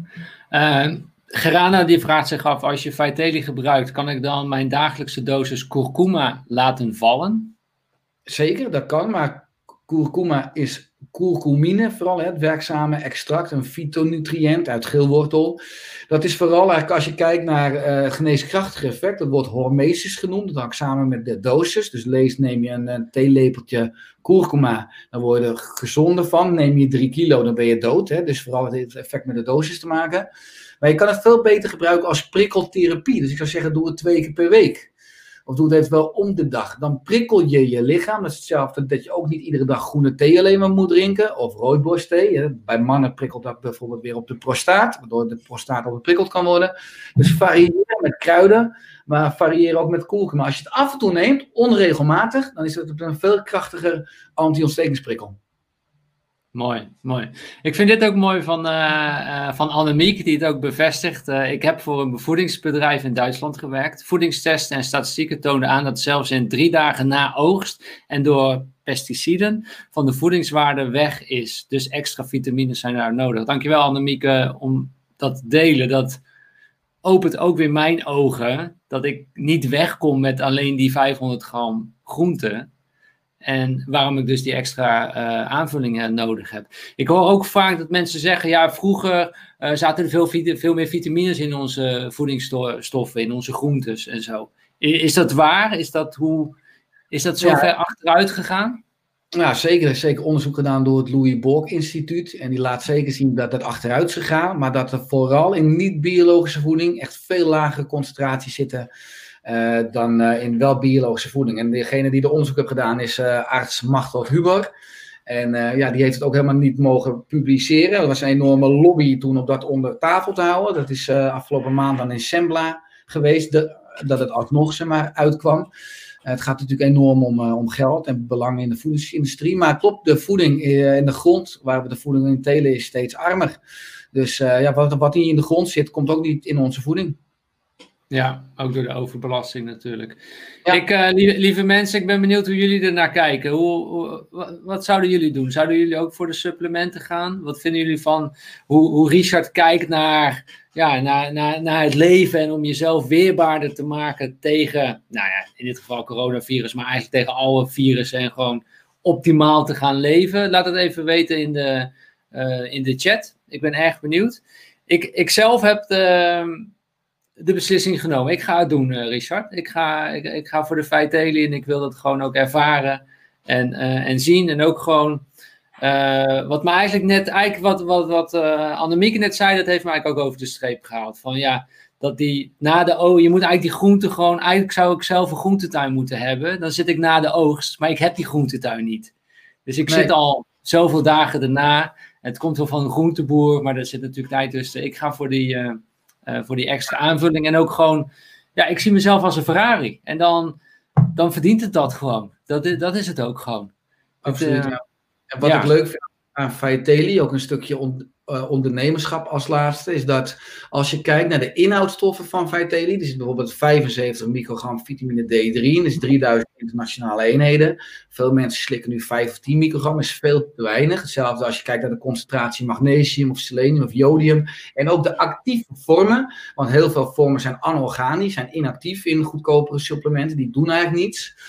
Maar uh, dus alle, alle concentraties, alle actieve vormen, maar ook de structuur, wij bieden het niet aan bij groothandels en bij winkels. Want dan ben je al een enorme hap kwijt van je marge. Dus wij, wij, wij zijn eigenlijk een online bedrijf aan het bouwen, waardoor we een deel van de winst eigenlijk aan de gebruiker kunnen teruggeven. Dus uh, zeker als mensen, we hebben dan een maandpakket, een kwartaalpakket en een jaarpakket. Hoe groter je pakket, hoe, meer je, hoe minder je per dag betaalt. Ja, eigenlijk als je het gewoon gaat uitrekenen naar de potjes loskopen in deze concentraties, in deze vormen, ben je gewoon veel duurder kwijt. Dus het is ook, en, en als je een jaarabonnement zou nemen, een jaarpakket, heb je iedere drie maanden dat het thuis wordt bezorgd. Want het is enorm opvallend als je kijkt bij huisartsen, is de therapie radicaal laag, ongeveer 10, 20 procent. Maar bij orthomoleculaire artsen is het ook maximaal 60 procent. Dus ook als mensen weer supplementen moeten halen, zie je toch dat in het hectische leven dat het er vaak bij inschiet. En hoe mooi zou het zijn als gewoon iedere drie maanden ja. het drie maanden pakket weer bij je voordeur staat. Ja, en ik, uh, ik heb het al gezien. Ik vind het fijn dat jullie ook naar Spanje bezorgen. Dus het kan ook gewoon uh, bij ons uh, aankomen. Dus het wordt gewoon over. ja, dat is mooi. Maar ik vind dit ook een interessante vraag van Cindy, omdat wij dat zelf. Wij, wij, zij, zij vraagt zich af: ik begrijp dat je je lichaam ook niet mag belasten met te veel eetmomenten. Wat raad je hiervoor aan? Ik wil er nog even bij vertellen, Richard. Wij zelf zijn sinds denk ik een jaartje zijn wij gestart met intermediate vasten. Wat inhoudt dat wij om uh, eh, 12 uur de eerste maaltijd nemen en voor 8 uur de, de laatste maaltijd. Het is af en toe een beetje lastig hier in Spanje, maar we komen aardig in de buurt. Zo voor 9 uur hebben we echt wel uh, uh, gegeten, die laatste maaltijd. En um, ja, je hoort het, ik start om 12 uur gewoon met een, een, een salade en s'avonds eten we vaak warm dan. maar ook veel groente is de, die, we komen aan die 500 gram groente. Hoe kijk jij naar dat intermediate vasten? Want als ik dat wel eens aan mensen vertel, die, nou, die kijken alsof ik gek ben, zeg maar. Um, hoe kijk jij naar intermediate vasten? Ja, het is enorm krachtig en ook enorm logisch als je kijkt naar hoe we als mens in de evolutie ontwikkeld zijn. Dus hoe vaak je eet is even belangrijk, of misschien nog wel belangrijker dan wat je eet. Hè? Want eten is ontsteken en niet eten is anti-ontsteking. Nou, jij eet in een frame van ongeveer 8 uur, hè? van 12 uur s middags tot 8 uur s avonds, dus 16 uur niet. Dus 16 uur anti-ontsteking en 8 uur pro-ontsteking. Dus als je eet aan je handen, bestek aan je bord, het op bacteriën en virussen, dus je immuunsysteem in je darmen, waar het grootste deel van het immuunsysteem zit, moet aan. En dat kost enorm veel energie. En als je dus nou, zes of acht keer per dag eet, wat veel officiële instanties zeggen, dat advies geef ik ook aan mensen aan wie ik een hekel heb. Hè, daar heb ik er minder last van, omdat ze gaan ontsteken. Uh, maar dat is uh, ja, enorm haaks op ons evolutionaire ontwerp. Dus eet niet vaak, maar als je eet wel veel, vermijd dingen die je, nou, die je dus anders om 10 uur of 12 uur of om, om 2 uur of om. Uh, Hè, of s'avonds al die hapjes. Ik eet eigenlijk ja, maximaal drie keer op een dag, drie eetmomenten.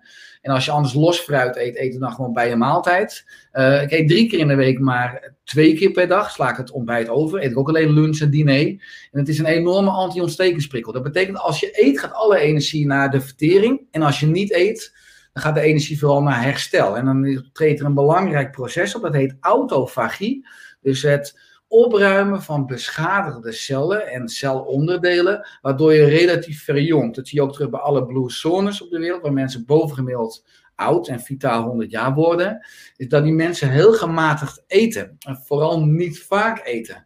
Waardoor je lichaam continu achterstallig onderhoud kan doen, daar veel energie voor beschikbaar heeft, waardoor je relatief verjongt. En nou ja, ik ben 38 lentes jong volgens de chronologische leeftijd, de kalender. Maar mijn biologische leeftijd is veel jonger. Onder andere omdat ik uh, niet vaak eet. Ja, maar mooi. Dus uh, blij om te horen. ik had dat het, uh, dat het zo, zo werkt. Ik had zelf ook gelezen dat door intermediate vasten, dat je je cellen sneller vernieuwen. En dat dat in eigenlijk ook in, in bestrijding of om kanker te voorkomen, dat het belangrijk is om dat die cellen snel blijven verwisselen. En dat er niet slechte cellen, kankercellen ontstaan en dat die je in je lichaam verspreiden. Maar als dat snel verwisselt, heb je minder kans op kanker.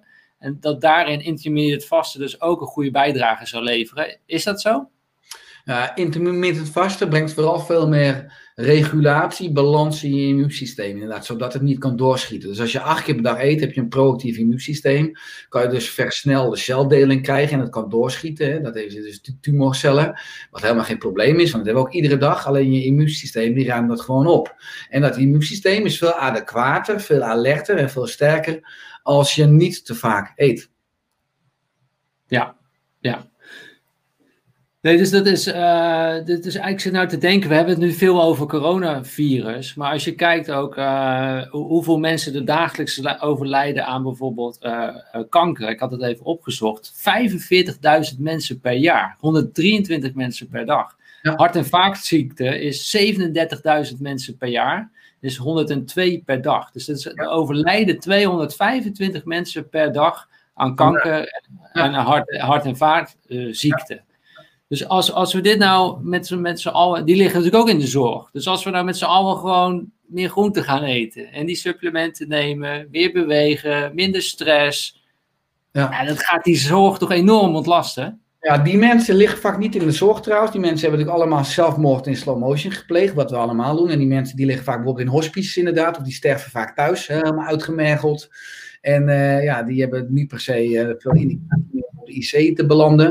Okay. Ja, maar wat je zegt, inderdaad, daar is al jaren geen aandacht voor. En uh, vandaag krijgen 147 mensen ook de diagnose diabetes uh, type 2. Dus ouderdomsuiker, vroeger bij ouderen, maar nu komt het al bij kinderen voor.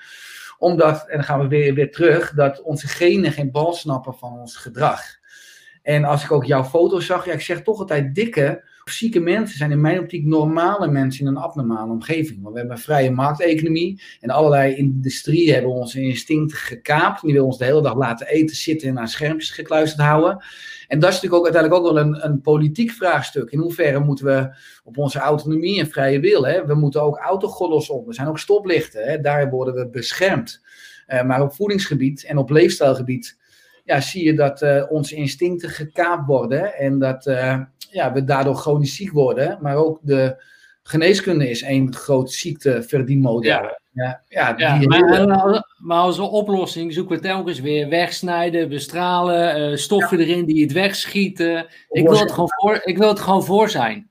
Ja, en, en, en, en, ik heb ook zoveel verhalen op internet ook gezien waarin mensen die het wel hadden, uh, dat het ook gewoon kan genezen. Door, die hebben gewoon ook extra uh, groenten of supplementen. Ja, ik wil niet zeggen dat ze het inspuiten, maar dat, dat was wel iets dergelijks. En dat, hoge, concentraties. ja, hoge concentraties. Waardoor gewoon ook kankercellen gewoon verdwijnen. Maar je, je, moet wel even zoeken om dat te vinden. Je vindt het niet in de, de nationale media telkens, die inzichten. Klopt, bijna alles is reprogrammeerbaar. Nou ben ik altijd wel op, oppassen met uitspraken bij kanker en auto-immuunziekten. Dat, maar inderdaad, zelfs daar is heel veel mogelijk. Zijn heel veel mensen dus met radicale remissies, heet dat, dus die genezen zijn. Ook al hadden ze bij spreken uitzaaiingen. Er is een uh, bekend boek over met de titel Radicale Remissie van Kelly Turner. Uh, maar inderdaad, alles is gewoon mogelijk. En uh, uiteindelijk is de belangrijkste sleutel de, dat je veel meer gaat vertrouwen op je eigen kracht, maar die eigen kracht veel meer gaat aanboren en gaat voeden met de juiste leefstijl, het juiste voedingspatroon en dus ook de juiste supplementen. Ja, nou, ik vind het heel leuk om te zien. Uh, Gerda die zegt ook, ik ga het ook doen, bestelling geplaatst, wel een investering, maar ja, ik wil een Ferrari zijn. Uh, dankjewel uh, Gerda dat je meedoet, ik ga ook met je meedoen. ik denk dat Nicole ook mee gaat doen. Dus dat is, uh, dat is uh, top. En ik zie ook heel veel dingen in de chat voorbij komen. Jacqueline, ik denk dat ze al een gebruiker is. Ze zegt, hoi Richard, goed spul. Dat heb ik al meerdere keren voorbij zien, uh, zien komen. Dus dat is heel tof om te horen. Ik zag ook nog een aantal, een paar vragen. Um, dat is van je W, had nog een vraagje. Gaat er ook kalk uit je, uit je aderen als je azijn inneemt? Nee, dat is lastig. Maar het is wel interessant dat wat ik zei met uh, vitamine K. Duurt wel wat langer, maanden, maar is het alsnog mogelijk om verkalkingen op te lossen. Uh, maar met azijn is dat lastiger. Met vitamine K2 wel. Uh, dat kan je ook, uh, de wat is een vaatontkalker. Maar bij mannen bijvoorbeeld zie je ook verkalkingen in de prostaat. Verkalkingen kunnen ook in de hypofyse, in je brein. En dat komt vooral over langere tijd, omdat vitamine K komt vooral uit zeevoedsel en uit gefermenteerd voedsel. En dat eten we uh, bijna niet, niet, meer of veel te weinig. Dus dan is het logisch dat vitamine K uh, ja, ook niet optimaal in ons lichaam aanwezig is. eten ze dat in Japan bijvoorbeeld meer? Ja. Gefermenteerd. Ja, dus zeker. Dan, ja, dat is interessant dus ook. Ja. ja. Uh, dit vond ik ook een hele interessante vraag. waar wordt uh, Vitelli gemaakt? Ja, het zijn uh, ingrediënten die uit de hele wereld komen. Bijvoorbeeld de omega-3 in de Vitelli basis is echt uit Alaska. Dus daar hebben we ook echt duurzame visolie met het MSC-keurmerk van duurzame visserij. Uiteindelijk moet ik altijd denken in natuurlijke ecosystemen. Maar het zijn allemaal stoffen die uit Europa en uit Alaska komen en die we eigenlijk in een keten helemaal uniek zelf samenvoegen qua, qua capsules en tabletten.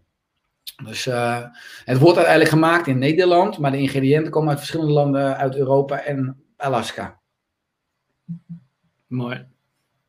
Uh, iemand vraagt ook uh, van, merk ik iets in mijn lichaam na bijvoorbeeld twee weken, twee weken van uh, Vitelli? Wat, wat, wat is een verwachting die we kunnen hebben en ja, hoe gaan we het eigenlijk ervaren?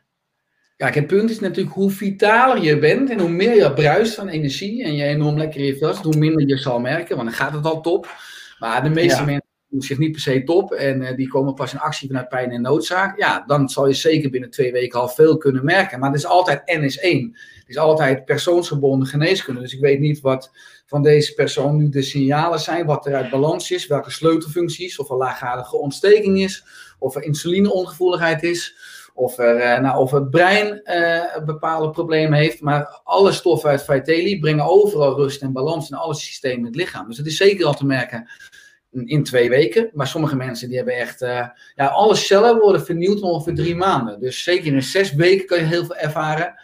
Maar bijvoorbeeld als mensen echt energietekort hebben... dan zorgt een goede dosis magnesium, wat ook in Vitelli zit binnen een dag, twee dagen kan je al merken dat je meer ontspanning hebt in je spieren, dat je beter slaapt, dat je een betere stoelgang hebt, dat je meer mentale rust hebt. Dat kan al binnen een dag als je magnesiumtekort hebt en dat aanvult met de dosis uit Vitelli. Dus ik kan, ik kan nooit zeggen 100% zeker, want ik weet het, het hele beeld niet, maar de kans is verschrikkelijk groot. Ja. Ja, en ik, uh, ik ken uh, David ook van uh, Kite and Travel Family. Dus eigenlijk de belangrijkste vraag voor ons is natuurlijk, en ook voor mij, ga ik er beter door kiten, Richard? En ga ik hoger springen? Zeker, zeker. Ik denk dat je veel flexibeler wordt. En dat, dat, dat zorgt er ook voor dat je na het kitesurfen veel sneller herstelt. En uiteindelijk dat je veel meer progressie gaat hebben tussen je, je sessies. Of dat je van je spieren tot je zenuwstelsel tot je evenwissel gaan, tot eh, het hele programmeren van jezelf op het water. En eens zijn eigenlijk met de natuur en die golven. Uh, maar ook qua spiermassa, je immuunsysteem tot rust hebben, je al die stoffen van Vitelli. Kan je zeker, het wordt ook al gebruikt ook door, eh, door, door topsporters. En, maar uiteindelijk is gezond oud worden is ook topsport. En veel mensen vinden het logisch dat topsporters supplement slikken. Maar gewoon je gezondheid en je vitaliteit behouden. Wat ik al zei, meer dan 10 miljoen mensen hebben gewoon ziekte. Is topsport. Dus we moeten ook gewoon als, ja, als normaal mens moeten we een stukje topsport integreren. En dat is wat jij ook gewoon doet met Vitelli. Nou, mooi. Mooi vooruit. Dan kan ik, ik heb nu 16 meter gesprongen qua hoogte met, uh, met kitesurfen. Dus dan ga ik naar die 20. Dan, uh, Hou, hou, hou, ik, hou ik vast in de lucht voor een foto. als, ik op die 20, als ik op die 20 meter uh, zit. En, en uh, goed, goed, goed, vooruitzicht ook voor, uh, voor David. dat hij dat ook kan doen. leuk om van Fanny te horen. Yes, ben heel blij met dit geluid. Helder uitgelegd en onderbouwd. En ja, ik ben Onmoor. Leuk om te horen. Gerane vraagt nog af. Er is, en is het naast gebruik van Feiteli ook aan te bevelen om pro biotica te gebruiken. Dus niet antibiotica, maar de probiotica. Ja, pro is voor het leven, hè? Uh, maar als je kijkt naar probiotica, dat zijn eigenlijk miljarden bacteriën en uh, die kan je innemen. Bacteriën kunnen alleen maar blijven zitten als ze zelf de juiste voeding krijgen. Dus dat, dat heet prebiotica. En prebiotica zijn vezels. En dan kom ik weer op de pond groente per dag. Dus de basis is eet een pond groente per dag. En probiotica hoef je echt niet het hele jaar te nemen, is eerder zonde. Ik doe het bijvoorbeeld twee keer per jaar neem ik een potje. Of dan slik ik het bijvoorbeeld vier of zes, weken. Dus twee keer in een jaar.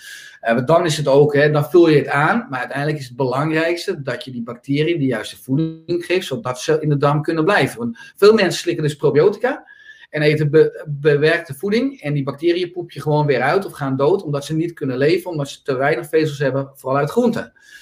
Dus uh, probiotica, één of twee keer per jaar een kuurtje, prima. Maar verder vooral een pond groente per dag. Ja, mooi. Uh, uh, Loes de Jong die zegt ook, ik sluit aan, uh, maar heb Vitelli op advies van mijn viroloog. Ik heb een immuunziekte. En daarna zegt ze, ik merk dat je uh, lichaam snel herstelt na bijvoorbeeld een inspanning of, of ziek zijn. Mooi om te horen van, van de klant van je, die het al, die het al heeft. Ja, hartstikke logisch als je kijkt dat in een zakje gewoon allemaal evolutionaire vrienden zitten. Dus uiteindelijk gaan de credits niet naar mij, maar de credits en dat alle diensten gaat naar de natuur. En ik heb gewoon die, die natuurlijke stoffen in de juiste concentratie in het zakje. Dus ik ben enorm blij dat ik gewoon de natuur zo veel, veel uh, breder en een, uh, en een sterker podium kan geven. Ja, en ik vind die K2 interessant. Dat, je kunt de stoffen wel tot je nemen, maar het moet ook op de juiste plek in je lichaam komen als ik daar een tekort aan heb, dan hou ik mezelf dus voor de gek. Dat het moet op de juiste plek aankomen. Vitamine K werkt absoluut weer samen met vitamine D3. Die koppeling heb ik gemaakt. Maar D3 werkt alleen maar goed als magnesium voldoende aanwezig is. Het heeft te maken met de receptoren van D3. Nou, zo kan ik dus een, eigenlijk een, een mindmap maken waarin al die zes stoffen met elkaar samenhangen. Want dat is dus eigenlijk de hele matrix. In de geneeskunde, in de wetenschap kijken we altijd naar één stof. Maar ze werken altijd in de matrix. Ze werken altijd samen. Ja, mooi. Nou, ik denk dat mijn moeder, die zit ook te kijken, blij is met jouw verhaal, uh, Richard. Want die heeft het altijd over Stijn K2 in combinatie met uh, D3. Dat, dat, uh, een hele wijze moeder. Ja, en zij hebben het ook gehad voor de ontkalking. Daar, daar hebben ze echt dat iemand anders het ook gebruikte. En dat het ook echt, echt hielp. Catharina vraagt, er zit selenium in. Dat zit ook in paranoten waarvan ik er twee per dag eet. Krijg ik met Vitelli mogelijk dan te veel selenium binnen? Goeie vraag, nee. Dat is, uh, dan, dan nog zit je uitgebreid in, in de veilige range. Er zit inderdaad het meeste selenium in paranoten. Dus heel goed. Uh, maar er zit bijvoorbeeld ook vijf selenium ook in, uh, in vis. en dat maakt natuurlijk ook niet uit of je een stukje eet van 50 gram of een stuk van 300 gram. Dan heb je niet ineens een toxische dosering. Dus de inhoud eh, uit Vitelli met twee paranoten, dan, dan kom je nog lang niet in het toxische, toxische spectrum. Dus het is gewoon veilig. Ja, en dit is mijn moeder die zegt, ik slik ook magnesium. En magnesium is ook iets wat, er, wat erin zit. Ik herken het bij mijn ouders, die hebben nou die verschillende potjes. En jij hebt het gewoon in één zakje in zes seconden per dag heb, je het gewoon, heb je ze allemaal. En hoef je niet uh, bij verschillende aanbieders dat uh, te kopen. Uh, als laatste nog, Richard, wat ik ook interessant vind, is hoe kijk jij naar koud afdouchen? Daar hoor ik ook veel mensen over. Koud ja. afdouchen. Ik, nou, ik doe het natuurlijk weer trouw, hè? dus ik begin wel met een warme douche. maar daarna gaat hij op koud. En in de winter is het iets kouder, maar ik vind het wel mooi. maar werkt het ook, het koud afdouchen? Verhoogt het mijn immuunsysteem? Ja, zeker. Het is ook een acute stress. Acute stress maakt gezonder, maakt sterker. Chronische stress maakt zwakker. En uh, een koude douche is natuurlijk een extreme stressprikkel voor je autonome zenuwstelsel. Want je moet al die bloedvaartjes aan de buitenkant dicht doen. De Kilimanjaro heb ik beklommen met die IJsman Wim Hof in januari 2016. Hè, ging oh. In 27 uur gingen we van plus 35 graden naar min 8 en sneeuw stond bovenop. En ook in drie maanden koude training gedaan. Ik begon met 10 seconden koud douchen en na drie maanden moest ik 10 minuten koud kunnen douchen. En dan niet laf met een billetje of een schoudertje, maar echt met je hoofd onder de koude, koude kraan. En, maar terug naar je vraag, ja, 10 seconden bijvoorbeeld koud douchen per dag is al een radicale positieve acute stressprikkel op je immuunsysteem, op je autonome zenuwstelsel en op je brein. Dus daar word je echt sterker van. Ja, maar kort. Goed, ga ik gewoon, uh, gewoon doorzetten. En iets wat wij denk niet besproken hebben, wat denk ik ook heel belangrijk is in het leven, is gewoon water drinken. Ja. Ik, ik, ik drink bijvoorbeeld uh, uh, water in de ochtend met een halve citroen. daar, daar, daar start ik mee eigenlijk.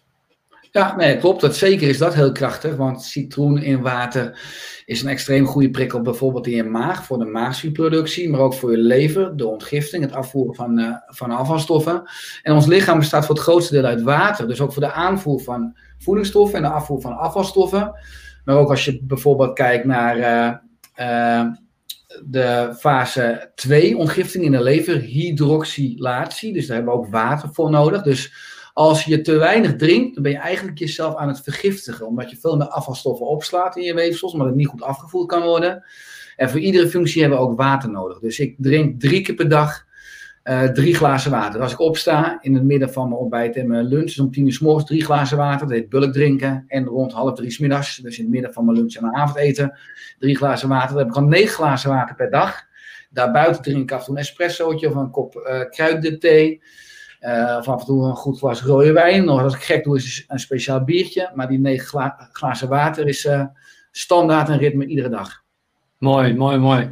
En, uh, maar ik merk ook als je weinig energie hebt en dan ben je geneigd naar dat koffietje met cafeïne natuurlijk. Maar als je gewoon even een goed glas water neemt, dat doet ook. Het geeft gewoon weer een extra boost. Je kunt gewoon weer, weer beter nadenken gewoon. Ja, en heel veel mensen hebben geen honger uh, maar dorst. Hè? Dus ook als je continu trek hebt, misschien heeft je lichaam tekort aan vocht. Drink dan bij trek altijd eens drie glazen water. En heel vaak trekt de honger weg, dan was het geen honger, maar dorst. En als je dan nog steeds trek blijft houden, dan ga dan iets eten. Maar dat is fantastisch als mensen willen afvallen. Iedere keer als je trek hebt, drink drie of voor mij vier glazen water. En in de meeste gevallen is de hongerprikkel al weg. Maar het was dorst. Ja, Mooi. Uh, laatste ook nog een vraag van, uh, van Nicole. Uh, wij eten iedere dag wel een, een eitje. En ja, hoe kijk jij daarna? Ja, ik eet meerdere eieren per, per dag. Ik heb eigen kippen. Dus er is een, ook een mythologie over eieren, verzadigd ja. vet, cholesterol, bloedvetten. ja, dat is compleet onjuist. Dat is ook alweer achterhaald. Het is een foute afslag die we genomen hebben. Hè? Dat we bang werden voor vetten. En dat we tegen mensen zeiden, gaan meer nou ja, de suikers eten, de koolhydraten. En we zijn alleen maar dikker geworden, meer gaan ontsteken. Vroeger zei men vermijd vetten als je niet dik wil worden. En nu zegt de voedingswetenschap weer ga vet eten als je slank wil worden. Dus dat is grappig, ja, wetenschap. We hebben een foute afslag genomen. Maar iedere dag een eitje is uh, fantastische bouwstenen. Blij om te horen, want ik vind het heerlijk. En het maakt ook mijn salade meteen wat lekkerder. Gewoon, dan gaat het door de salade heen. Ik, en dat is ook mijn manier hoe ik groente ben gaan eten. Is dat ik, uh, kijk, mijn moeder zit te kijken, maar tot aan mijn zesde zat ik nog aan potjes, Richard. Ik was echt een hele slechte eten. En ik heb het totdat ik aan huis, uit, het huis uitging, heb ik altijd, uh, was er altijd gevecht aan tafel met mijn eten en dat kwam nooit goed. Uh, maar hoe ik het heb leren eten is door uh, groentes in een curry te stoppen. Ik ben gek op sausjes. Ik hou van sausjes. Maar gewoon sausjes met, met, met curry, dan de groente doorheen. Ja, ik heb het niet door dat die groente erin zit. En nu nu ben ik zover dat ik gewoon uh, rauwe broccoli, rauwe, rauwe bloemkool. Ik, ik, vind het heerlijk met een lekker sausje, curry sausje. en, en het gaat zo naar binnen. Dus het, het kan echt veranderen gewoon. Stap voor stap. Heeft een aantal jaren gekost. Maar ik raad het iedereen aan. Ik denk dat het tijd is om te, af te sluiten, Richard. Uh, we kunnen door blijven uh, gaan. En ik vind het razend interessant. Ik zou je graag gewoon uh, nog een keer willen, willen uitnodigen. Want het gaat bij jou ook niet alleen om gezonde voeding. Het gaat ook om eten, bewegen, ontspannen. En mediteren zag ik ook voorbij komen bij iemand. Slapen, zingeving, een hele belangrijke. Weet je, wat kunnen we nou doen voor een bezield leven? Uh, ik denk dat we daar de volgende keer nog eens uitgebreid ook over kunnen, kunnen spreken. Maar nu vond ik het wel belangrijk om, het, om hier meer op in te, uh, te zoomen. Ook hoe we al met 500 gram groente, onthoud dat nou, wat extra supplementen. Neem wat ontspanning, slaap goed, drink veel water. We worden echt sterk gewoon. En we gaan gewoon een hele mooie tijd uh, tegemoet. En zie jezelf gewoon als een Ferrari. Dat behandelen, behandelen we het zo. Ik ga ermee starten. Ik ga met uh, starten. Dus dat gaan we doen. Uh, voor volgende week hebben we ook weer een nieuwe lijstshow. Vrijdag uh, 13 november om uiteraard 12 uur. Die heet Ondernemen op Slippers. En dat gaan we doen met Bas Eurlings. Uh, hij heeft 87.000 kilometer gereisd, 50 landen bezocht, 1800 wc's bezocht, 7800 zonuren gepakt. En dat heeft hij samen met zijn gezin gedaan. Terwijl hij gewoon aan het online ondernemen was. Zijn bedrijf groeide op het moment van 3 miljoen omzet naar 7 miljoen omzet. Hij is de koning van de e-commerce en de webwinkels. Hij heeft meer in dan aan 14 miljoen sales gedaan ook met zijn op, uh, op marketplaces zoals uh, bol.com en Amazon. Dus daar gaan we de volgende keer uh, meer over leren hoe hij dat heeft aangepakt en hoe je kunt ja, online ondernemen en kunt reizen met je gezin, hoe je dat kunt combineren en zo nog meer je wind volgen. Richard, ik wil jou super bedanken voor je tijd. Uh, lieve kijkers, jullie ook heel erg bedankt voor het uh, meedoen en de goede vragen stellen. En ik wens iedereen heel veel succes. Richard, ik weet niet of je nu meteen weg moet of dat je nog tijd hebt voor één fotootje. Laten we een fotootje doen, ja. Laten we een fotootje doen. Dan haal ik het even zo weg. Lieve kijkers, jullie mogen ook een foto maken. Pak je telefoon erbij. Deel het op, op Instagram met ons. apenstaartje Nicole Stijn. Apenstaartje Richard Delet. Ga dan ook zeker Richard volgen op Instagram. Echt hele leuke stories. Heel veel wijsheid. Uh, dat doe je goed aan. Apenstaartje Richard de Let. Uh, deel gewoon even in de stories wat je geleerd hebt van deze live show. Maak een fotootje. En dan zeg ik. Top. Super. Iedereen bedankt voor het kijken. En tot de volgende keer weer. En ik heb nog een klein cadeautje voor jou, uh, Richard. En dat is het volgende. Ik zou je graag een. Uh, ja, je hoort nou als uh, vriend van de show bij de Follow Your Wind community. En ik zou je natuurlijk graag een, uh, een Follow Your Wind t-shirt willen aanbieden. Ik weet dat je het ook vaak doet, doet, sporten. We hebben een sport-t-shirt, dat is ademend met Mission Possible. Of een gewoon t-shirt, dat is organisch. Mission Possible, lijkt me heel leuk. Mission Possible, die gaan we naar jou opsturen. Helemaal. Top.